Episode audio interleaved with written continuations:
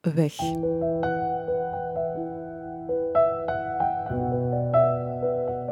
Deze podcast begint omdat zoveel dingen eindigen. Omdat je onderweg zoveel kwijtraakt. Als iets of iemand wegvalt, valt er vaak nog veel meer weg.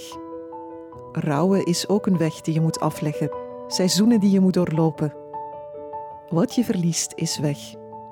Daar gaat het over. Over wat was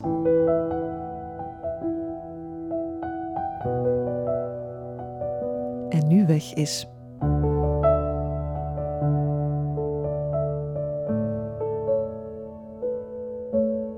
Vandaag heeft Lieke de weg gevonden. Dag Lieke. Dag Sophie. Jij bent hier omdat afscheid nemen bij jouw beroep hoort.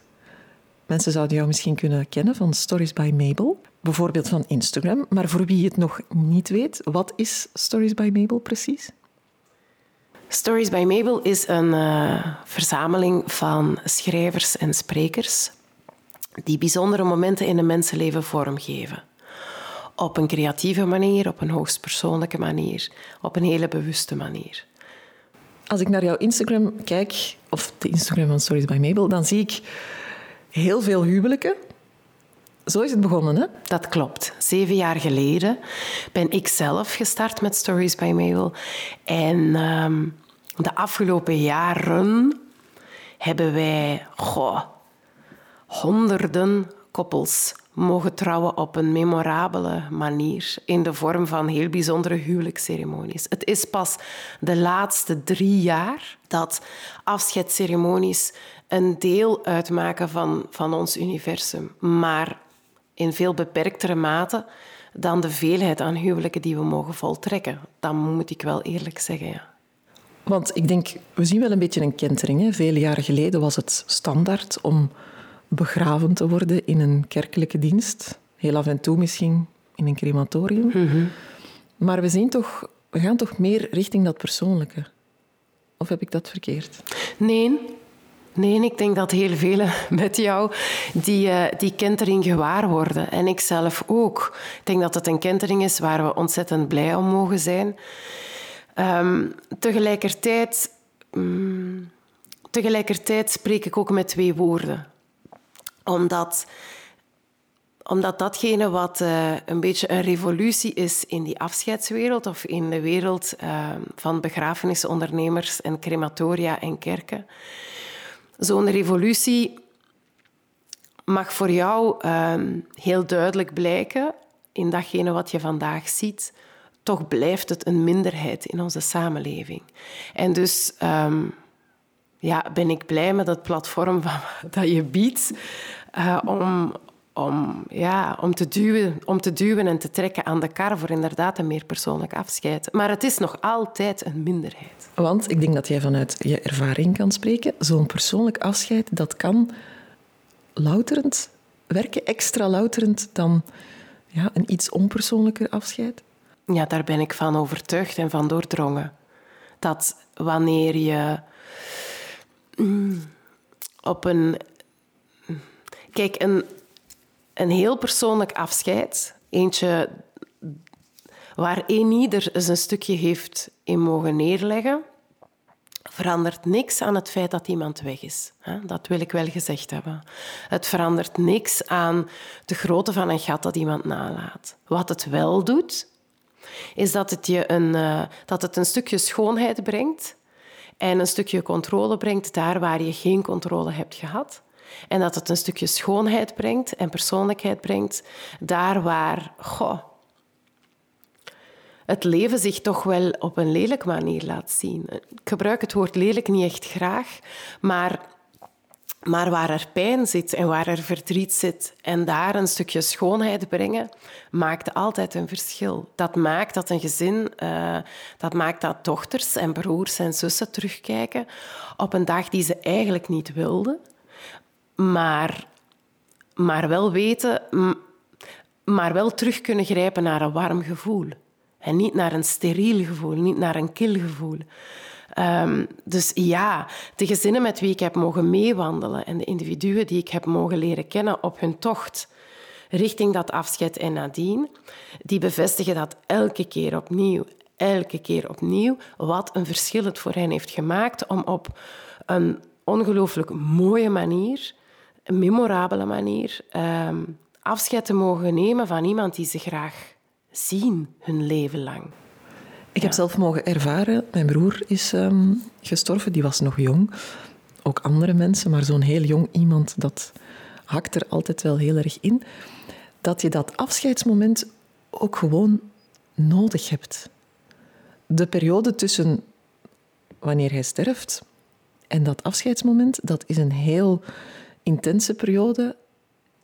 Dat moment is belangrijk. Hè? Dat moment is cruciaal. Dat moment is. Ehm, dat moment is cruciaal. Het is cruciaal om een groep samen te brengen uh, rond het overlijden van iemand, uh, omdat het die groep is die verder moet. Het is cruciaal dat uh, de ene de andere draagt en weet uh, wat de andere te, te, dragen heeft aan verlies. Het is cruciaal dat er een uh, collega op rij 9 kan zitten in een hoogstpersoonlijk afscheid, omdat die collega gaat weten welke persoon Sophie te missen heeft. En hoe hij dus um, meer begrip kan hebben voor uh, ja, lastige dagen. En dat, het is cruciaal voor zij die verder weg staan. Het is cruciaal voor zij die dat in het centrum zitten. Dat is wat ik elke keer gewaar word.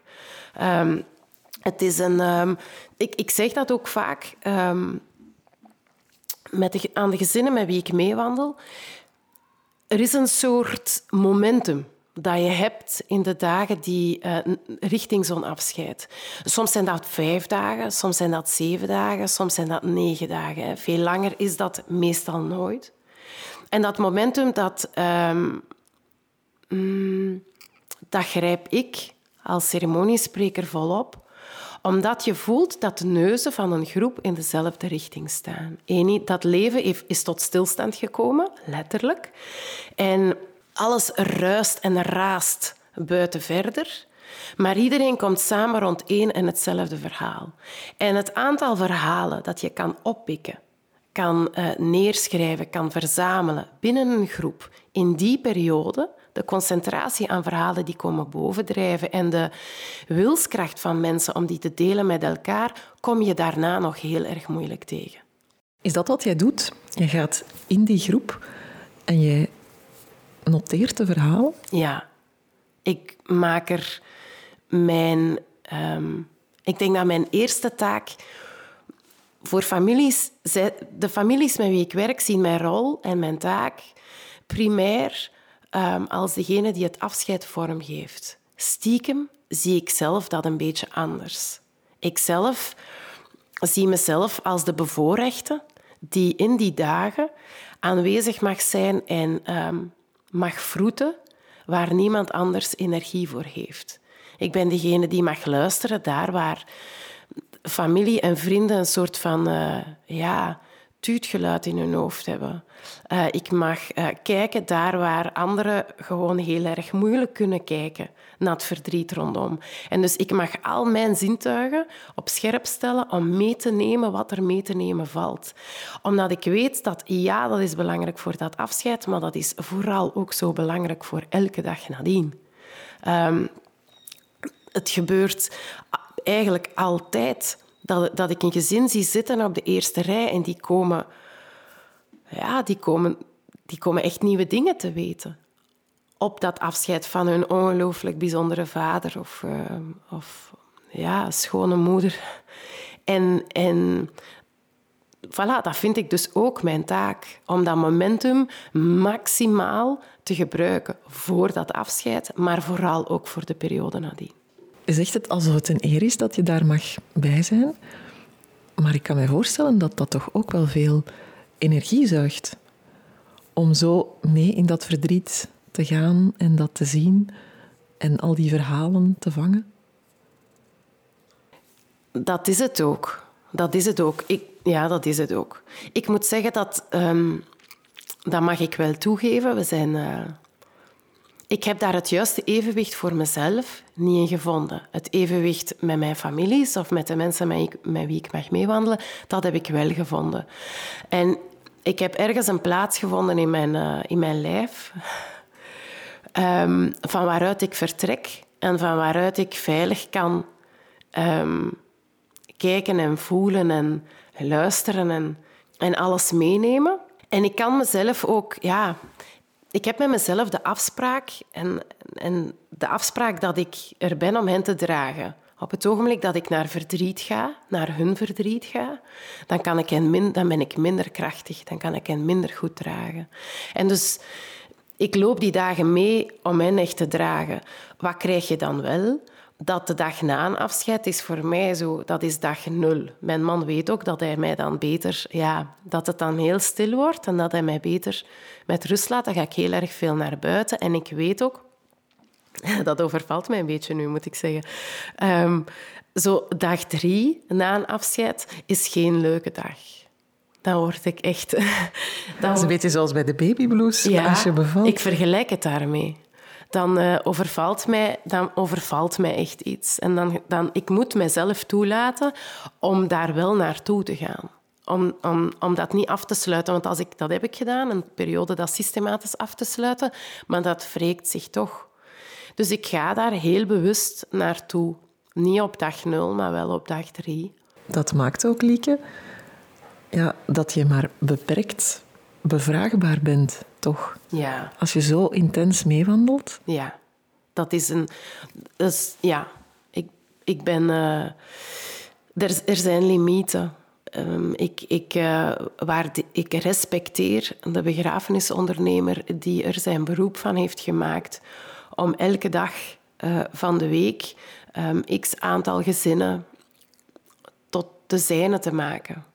Um, dat is voor mij niet mogelijk. Ik spendeer ook niet uh, een uur en een half of twee uur bij een gezin. Ik spendeer een hele intense periode bij een gezin en ben maximaal bevraagbaar. Dat is hetgene, zij hebben de moed om, ja, ze zijn heel erg moedig om, vind ik, om, om dat op die manier te willen doen en om daar echt in onder te duiken samen met mij. En dus vind ik ook dat ik dat niet te limiteren heb. Maar het is niet... Ik heb een periode gehad... Um, vorig jaar, in een, jaar, in een coronajaar waarin geen huwelijken meer plaatsvinden, ehm, heb ik me inderdaad op een gegeven ogenblik een, een beetje ongebreideld losgelaten op een aantal afscheidsceremonies en die heel erg snel op elkaar volgden. En dat heb ik wel gevoeld. Dus nu weet ik dat ik daar echt in moet faseren. En dat ik, ja, dat ik echt moet faseren. De dood is natuurlijk niet altijd te regelen. Nooit. Maar als er iemand wegvalt in mijn omgeving en ik bel naar jou, mhm. wat gebeurt er dan? Of, of hoe gaat dat dan? Het eerste wat er gebeurt wanneer iemand uh, mij belt, dan overvalt mij een. Uh, ja, mag ik dat zeggen hoe dat is? Dan overvalt mij een stukje blijdschap omdat die persoon mij heeft kunnen vinden.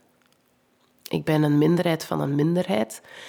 En iemand die in verdriet zit, die dan nog mij on top of mind heeft, bon, dan ben ik oprecht blij dat hij mij weet te vinden. Dat is het eerste wat mij overvalt. Um, ten tweede um, doe ik er alles aan om mijn leven on hold te zetten. Ik heb vier kinderen en een agenda. En die maak ik...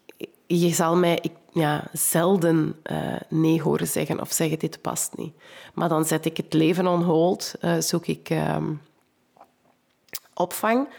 En dan rij ik eigenlijk per onmiddellijk naar een gezin toe voor een, uh, ja, voor een eerste sessie luisteren.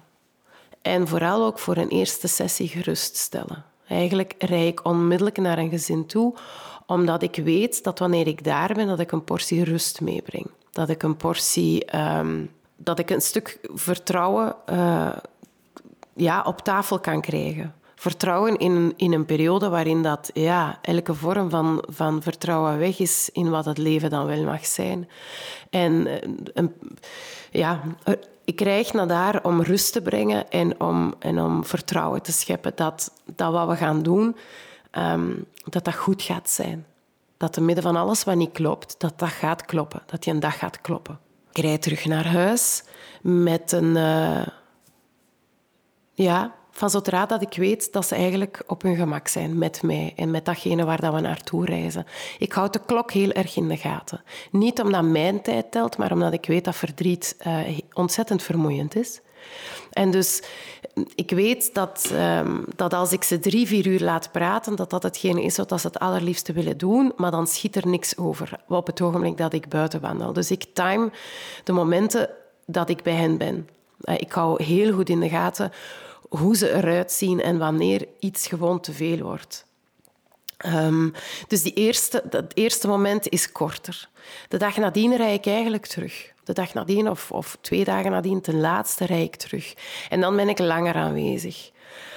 Um, dan weet ik ook dat een soort van eerste shockgevoel um, niet voorbij is, absoluut niet hoor. Maar, maar dan hebben ze rechts of links al wel een keer gevoeld dan is de, uh, ja, dat ultiem gevoel van verdoving um, is rechts en links al een keer doorprikt door de ene of door de andere. En dan zit ik aan een tafel met mensen die al, ja, die al een keer echt verdriet gevoeld hebben.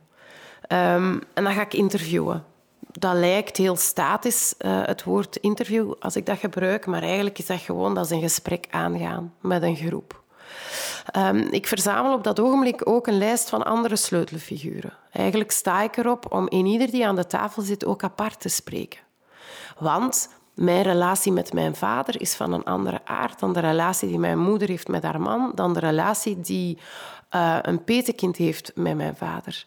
Dus ik sta erop om mensen inderdaad in groep te zien, om dat kerngezin en, en, en die kerngroep in groep te zien.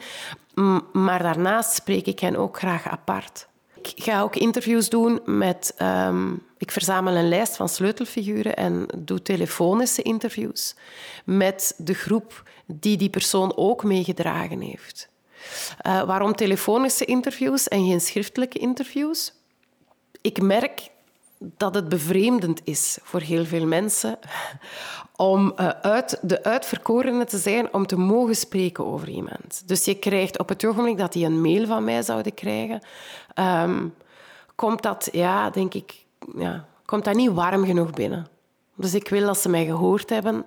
Uh, ik wil hen meegeven dat ik begrijp dat het lastig is om te spreken, uh, maar dat we ons een tijd nemen. En het is systematisch hetzelfde op het einde van zo'n gesprek. Soms is zo'n gesprek acht minuten lang, soms is zo'n gesprek een uur en acht minuten lang.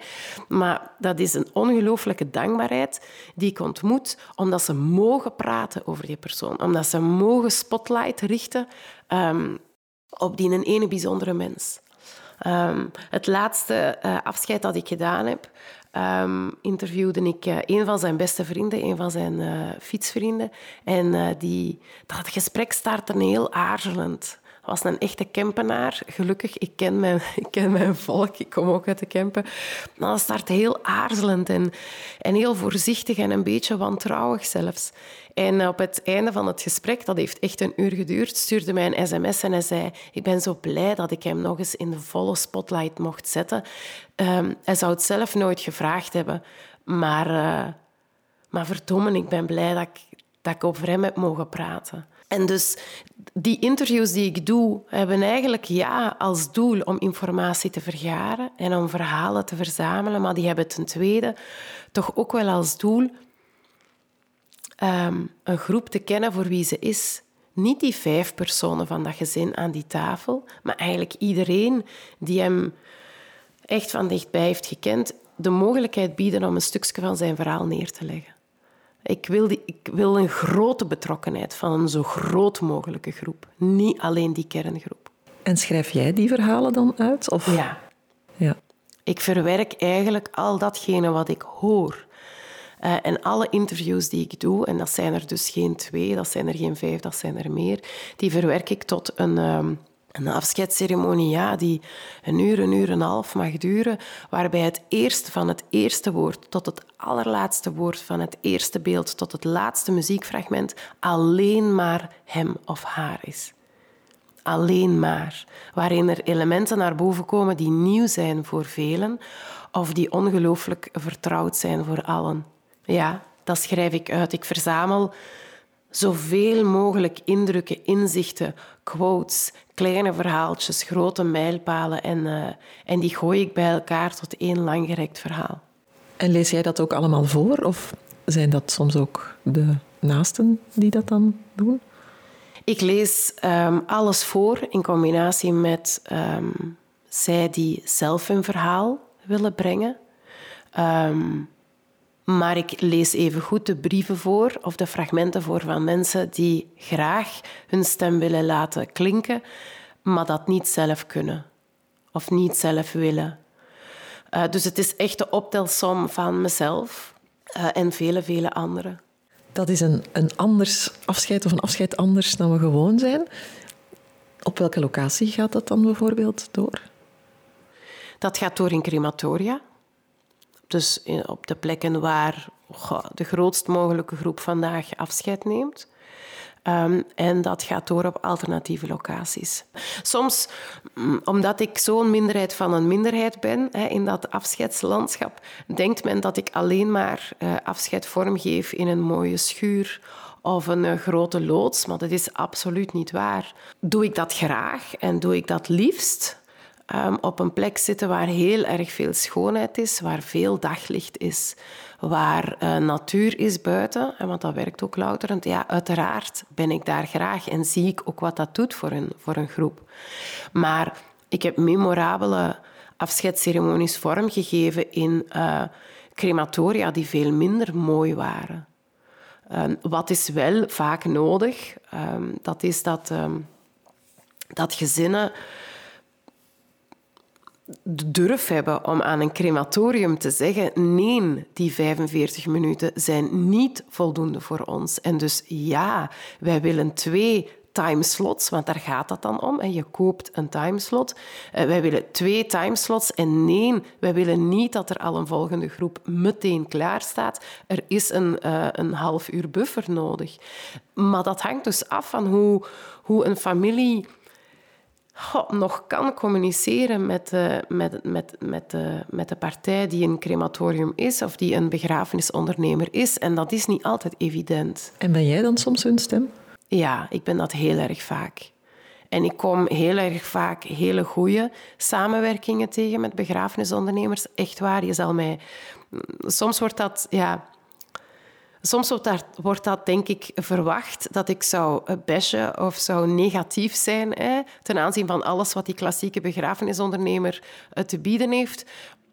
Ik heb daar zeker mijn idee over. Ik ben daar ontzettend kritisch over. Maar ik, maar ik zeg wel met het grootste respect dat ik blij ben dat zij, dat zij er wel zijn. Hè, dat zij voor dat beroep kiezen. Um, dus ik kom heel erg goede samenwerkingen tegen, absoluut. Kom ik dingen tegen waarvan ik echt denk, dit is gewoon, dit is, dit is impossible. Dit is gewoon niet mooi. Dit is zo lelijk hoe jij met mij omgaat en hoe je met, andere, hoe je met gezinnen omgaat. Ja, ja er komt um, en... Um, ooggerol wanneer je zegt dat een afscheidsceremonie langer duurt dan een uur. Daar zitten mensen niet op te wachten. Dat is veel te lang. Er wordt moeilijk gedaan wanneer ik vraag uh, om een groeting van een urne niet aan het einde van een afscheidsceremonie te doen, maar tijdens een afscheidsceremonie te doen, zodanig dat wanneer iedereen de, die confrontatie vooraan aangegaan is, in vol verdriet, dat die terug even mag gaan zitten en dat ik die groep nog echt een keer mag vastpakken. Hè, met iets dat we op een mooie manier samen afsluiten. Niet in, in eenzaamheid vooraan en dan naar buiten. Ja, dat vindt een begrafenisondernemer heel vaak moeilijk, want dat is een tweede logistieke oefening. En dan moet ik duwen en dan moet ik trekken, maar dat doe ik ook. Heel zachtjes, met heel veel politesse doe ik dat. Um, vind ik dat jammer? Ja, dat vind ik jammer. En, en daar, ja, daar gebruiken families mij absoluut voor, ja. Je zegt, eh, mensen moeten soms durf hebben hè, om twee tijdslots te reserveren, bijvoorbeeld. Maar ik kan me voorstellen in uh, het katholieke Vlaanderen, dat toch nog wel heel erg leeft, dat, je, dat het voor veel mensen al een soort lef vraagt om jou te bellen. In plaats van om voor het klassieke verhaal te gaan. Ah, volle bak. Daarom ook dat de eerste emotie die ik heb als ik de telefoon opneem en ik hoor dat, hè, Sophie, dat duurt letterlijk, dat is één nanoseconde en ik weet, dit gaat, niet om, dit gaat om niks anders dan een afscheid. Ik, dat is, ik heb dat onmiddellijk door en het eerste wat mij overvalt is blijdschap. En ik hoop dat dat niet raar klinkt, maar dat is, ik, dat is echt van... Je hebt mij A, gevonden en B, te midden van al dat verdriet, heb jij ook nog eens de moed om met mij te bellen, wetende dat dat een beetje anders is, wetende dat dat niet in de pas past. Dat vind ik echt ongelooflijk, dat die, die een durf hebben en, en, en ja, nog zo helder kunnen nadenken. Ja. Ik werd daar wel een beetje boos van. Dat er nog zoveel um, tradities of, of gebruiken zijn waarvan dan maar snel gezegd werd van ja, kom, we doen dat gewoon zo voor de minste zever. Ja. Terwijl wij, wij, hebben uiteindelijk voor mijn broer een heel persoonlijk afscheid gegeven, maar toch nog een aantal kleine details. Ja, want het, het is zo. En we houden het zo. Ja. Dus die rouwrevolutie is er wel al een beetje. Allee, heb ik zelf gemerkt. Maar ook nog niet, hè. Nee, nee, en dat is omdat op het ogenblik dat... Um, je kan niet in je volle kracht op barricade staan op het ogenblik dat je iemand hebt afgegeven. Dat gaat niet. Je hebt die kracht niet. Je hebt die kracht niet. Dus ik ben er dan om dat te doen. Maar ik ontmoet jou op het ogenblik dat jij niet in je volle kracht staat. Dus mag ik ook niet van jou verlangen dat jij een spandoek neemt en een toeter en heel hard. Dat is gewoon ongelooflijk moeilijk. Dus wat er nodig is in die rauwe revolutie, en daarom ben ik ook zo blij dat ik hier vandaag mag zijn, is dat alles voordat je afscheid neemt van iemand. Heel de, de periode daarvoor, dat mensen daar bewust worden. Dat, een dat die samenleving van ons dat die begrijpt, stilaan, welk een verschil, welk een verschil het maakt. Het is een heel intense week, hè? Dat is een, ja, je, ik, je mag niet van mensen verlangen, je mag niet van mensen alles verlangen tijdens die week. Dat kan gewoon nog niet. Je moet dat met de grootste zachtheid doen ten aanzien van die begrafenisondernemer laat ik die niet mee zou willen en die uh, angst projecteert op een gezin. Of die zouden dat wel doen, want de mensen... En wij doen meestal dit. En ik denk toch dat... Want dat heb ik al een keer meegemaakt. Dat soort taal, ja, daar ga ik dan... Staat, dan zet ik mijn schouders en dan laat ik niet toe dat dat met mijn familie is gebeurd. Of toch niet zo weinig mogelijk. Dus ik neem veel van die communicatie over, zodanig dat ze daar niet mee moeten geconfronteerd worden. Maar de echte rauwe revolutie die gebeurt op een doodgewone dinsdag als er niks aan de hand is. Dan lees je, dan luister je, dan informeer je. Dan bel je Lieke en je zegt, zeg, wie ben jij eigenlijk? Want ik uh, wil eigenlijk voor mezelf wel A of B. Of ik heb een mama die heel erg ziek is um, en ik wil toch al eens vragen dat. Ik geef ook eerlijk toe dat, dat, dat 80% van de gezinnen met wie, ik, met wie ik meewandel, zijn gezinnen die weten dat er een afscheid gaat aankomen. Dat zijn palliatieve processen. Er zijn... Um, ja, ik heb het nog niet zo heel vaak meegemaakt dat er een ad hoc overlijden is en dat ik daar naartoe mag snellen. Dan ben ik nog dankbaarder. Ik heb, en, en tegelijkertijd heb ik twee uitvaarten uh, bij mij thuis klaar liggen van mensen die weten dat ze ziek zijn maar die de afgelopen twee jaar nog heel erg stabiel zijn gebleven. Ja, dus die liggen klaar. En die liggen klaar omdat ze zeker willen zijn dat alles goed is uh, voor hun kinderen en dat ik die kinderen met warmte zal omringen. Ik vind het wel mooi dat je zegt dat die week zo belangrijk is. Ik heb dat zelf ook zo aangevoeld. Maakt uh, me extra boos dat ik één dag klein verlet kreeg voor de begrafenis zelf, maar eigenlijk Terwijl die week daarvoor, die had ik op geen enkele manier kunnen missen. Ik denk niet dat ik ooit zo dicht bij mijn ouders, bij mijn zus, bij andere familie geweest ben als in die week. Dus ik vind het verschrikkelijk hoe onze maatschappij daar wel mee omgaat. Ik volg je. Ik volg je. En niet alleen dat, want dat is verschrikkelijk en daar moet iets aan gedaan worden. Maar ook nu vandaag. We zijn april 2021 als je hier later naar luistert, we zitten nog altijd in corona. Ja. We hebben afscheid in de vuilbak gegooid voor iets anders. Wat ook belangrijk is, uiteraard, gezondheid. Maar mentale gezondheid is in mijn ogen even belangrijk. En afscheid kan je maar één keer doen. Dat wordt gezegd en daar ben ik het mee eens en daar ben ik het niet mee eens. Dat wil zeggen, ik denk dat wat. Ik heb eigenlijk ja, vanmorgen nog maar een. Uh, een berichtje gekregen van iemand op Instagram die een heel relaas vertelt. Um, waarin ze eigenlijk zegt van kijk, ik heb geen afscheid kunnen nemen van mijn grootvader. En um, ik ben daar niet bij gekunnen. Dat is gebeurd. En heel die coronaperiode heeft mij dat contact ontnomen. En dat kan ik dus niet meer terugdoen. Um, dat is inderdaad wat de afgelopen periode met ons heeft gedaan. De afgelopen periode heeft ons weggehouden van zij die aan het sterven waren. De afgelopen periode heeft ons weggehouden van de grote groep die had kunnen afscheid nemen. Hè? Want met 15 in een aula gaan zitten, dat ik heb afscheid vormgegeven hè? voor groepen van 15. Dat was ontzettend intens, dat was bijzonder mooi. Um, maar ik weet ook hoe het voelt wanneer die letterlijk fysieke rugdekking krijgen van 150 mensen. Ik weet dat dat anders voelt. Wat wel is, en dat, misschien vind ik dat wel mooi dat ik dat vandaag mag uitleggen. Um, ik heb het, um, het ik heb het afscheid vormgegeven van een meneer die overleden is in, uh, in coronatijden. En die had zijn afscheid uitgeschreven. En, en ook de, groep die daar, de grote groep die daarop uitgenodigd zou geweest zijn.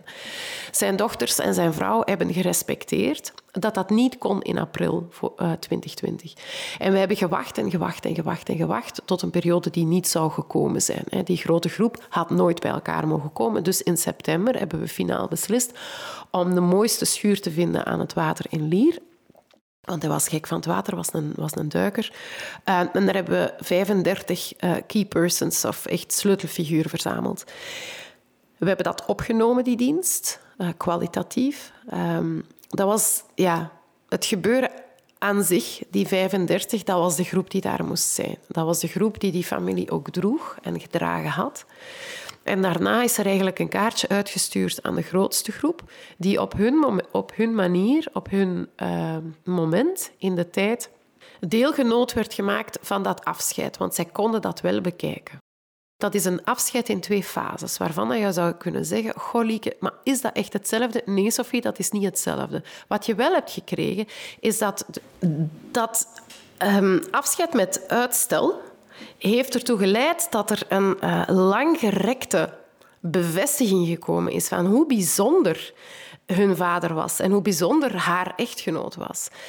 Het is niet gebleven bij die, mm, bij die week zij hebben eigenlijk, omdat mensen dat op, ja, op verlaten tijdstippen zijn gaan bekijken, hun tijd daarvoor namen in hun ruimte, bij hun thuis, heeft dat eigenlijk toch wel een golf aan reacties teweeggebracht. Dat ten eerste. En ten tweede, dat is een ander voorbeeld waar ik, waar ik ja, dat mij eeuwig en honderd dagen zal bijblijven. En dat is het... Uh,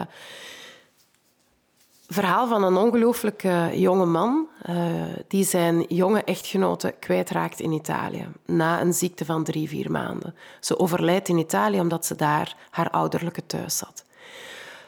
In Italië is de traditie er eentje dat je twee dagen na overlijden zit je in een kerk, neem je afscheid klaar. Wat betekende dat eigenlijk heel haar community in Leuven aan de universiteit, ehm, zijn gezin, tantes en onkels, die waren daar niet geraakt.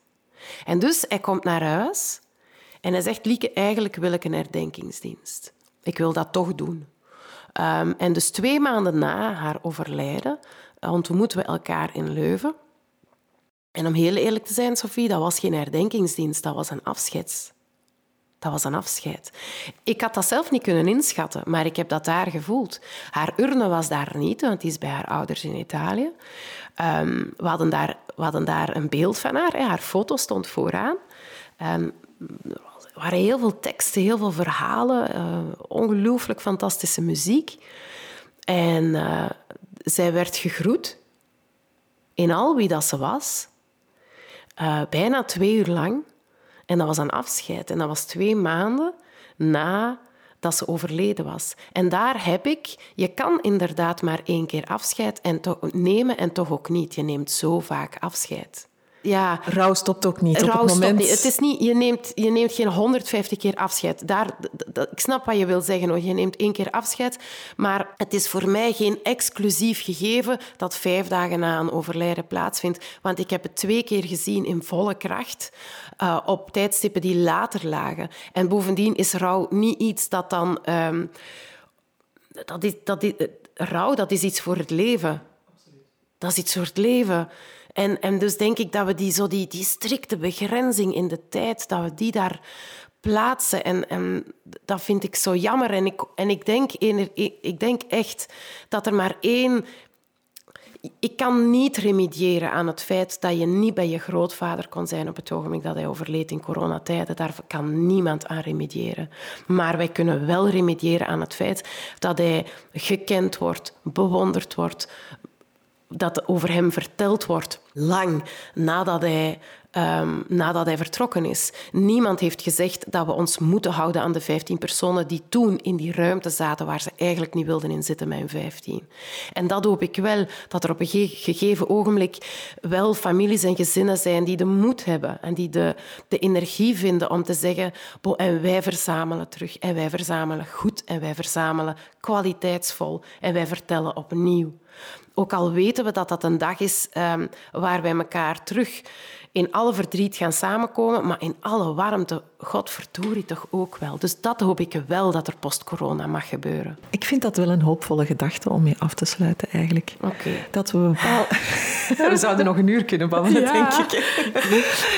dat we bepaalde dingen misschien toch kunnen inhalen, dat is een beetje een vreemd woord, maar dat het niet zo definitief hoeft te zijn. Het is afgesloten dan. Nee, we kunnen dat opnieuw voelen, omdat ook het verdriet niet stopt. Hè. Nee. Een jaar na de dood van mijn uh, broer hebben we op zijn verjaardag een groot vuur gedaan met al zijn vrienden en met familie. Dat soort momenten, ja, dat is fantastisch. Het was de bedoeling om dat elk jaar te blijven doen. Corona heeft daar ook een stokje voor gestoken natuurlijk. Maar dat soort rituelen of dat soort herdenkingen, of hoe je het dan ook noemt, we kunnen dat eigenlijk wel. Wij kunnen dat zeker. Wij kunnen dat zeker. Is dat iets wat we kennen? Nee. Ehm, maar dat kunnen wij zeker. Ik denk dat het erom gaat om, ehm, om als groep iemand in zijn volheid te vieren. Met verdriet, klopt, maar wel iemand in zijn volheid te vieren. Met dankbaarheid ook. Met dankbaarheid, uh, met veel geschater, daar waar het ehm, op zijn plaats is. En met vooral veel erkenning voor wat een verlies is. Ja, dat denk ik wel. Dat, uh, dat hoop ik echt vurig. Dat, dat ik daar telefoon voor krijg. Dat hoop ik wel. Ik hoop het ook. Dank je wel, Lieke, om hier te zijn. Ik ga het nog eens zeggen, Stories by Mabel. Voor wie een afscheid toch op een andere manier vorm wil geven en de eer mag hebben om jou daarbij te hebben. Ik denk dat het even goed andersom is. Ehm, dat het een eer is dat jij er mag bij zijn, maar dat het ook een eer is voor de mensen die achterblijven om jou erbij te hebben.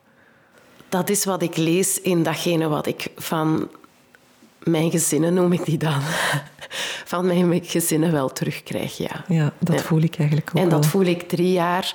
Uh, vorige week was het uh, twee jaar geleden dat uh, Frank overleed. En zijn vrouw stuurt mij op de dag van de uitvaart stuurt zij mij een berichtje met, ja, met de schoonste woorden over het warmste afscheid. En dan weet ik, ja.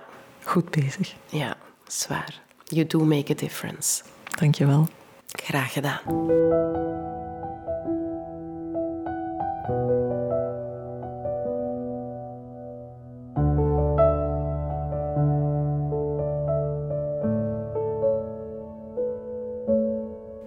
Deze podcast wordt gemaakt door Sophie Verschuren. De muziek is van Udo Mechels en zijn pianoproject Umea Beudo. Je vindt meer informatie op podcastweg.be. Daar kan je ook, als je dat zou willen, een vrije bijdrage geven om het voortbestaan van deze podcast te verzekeren. Dank je wel om te luisteren.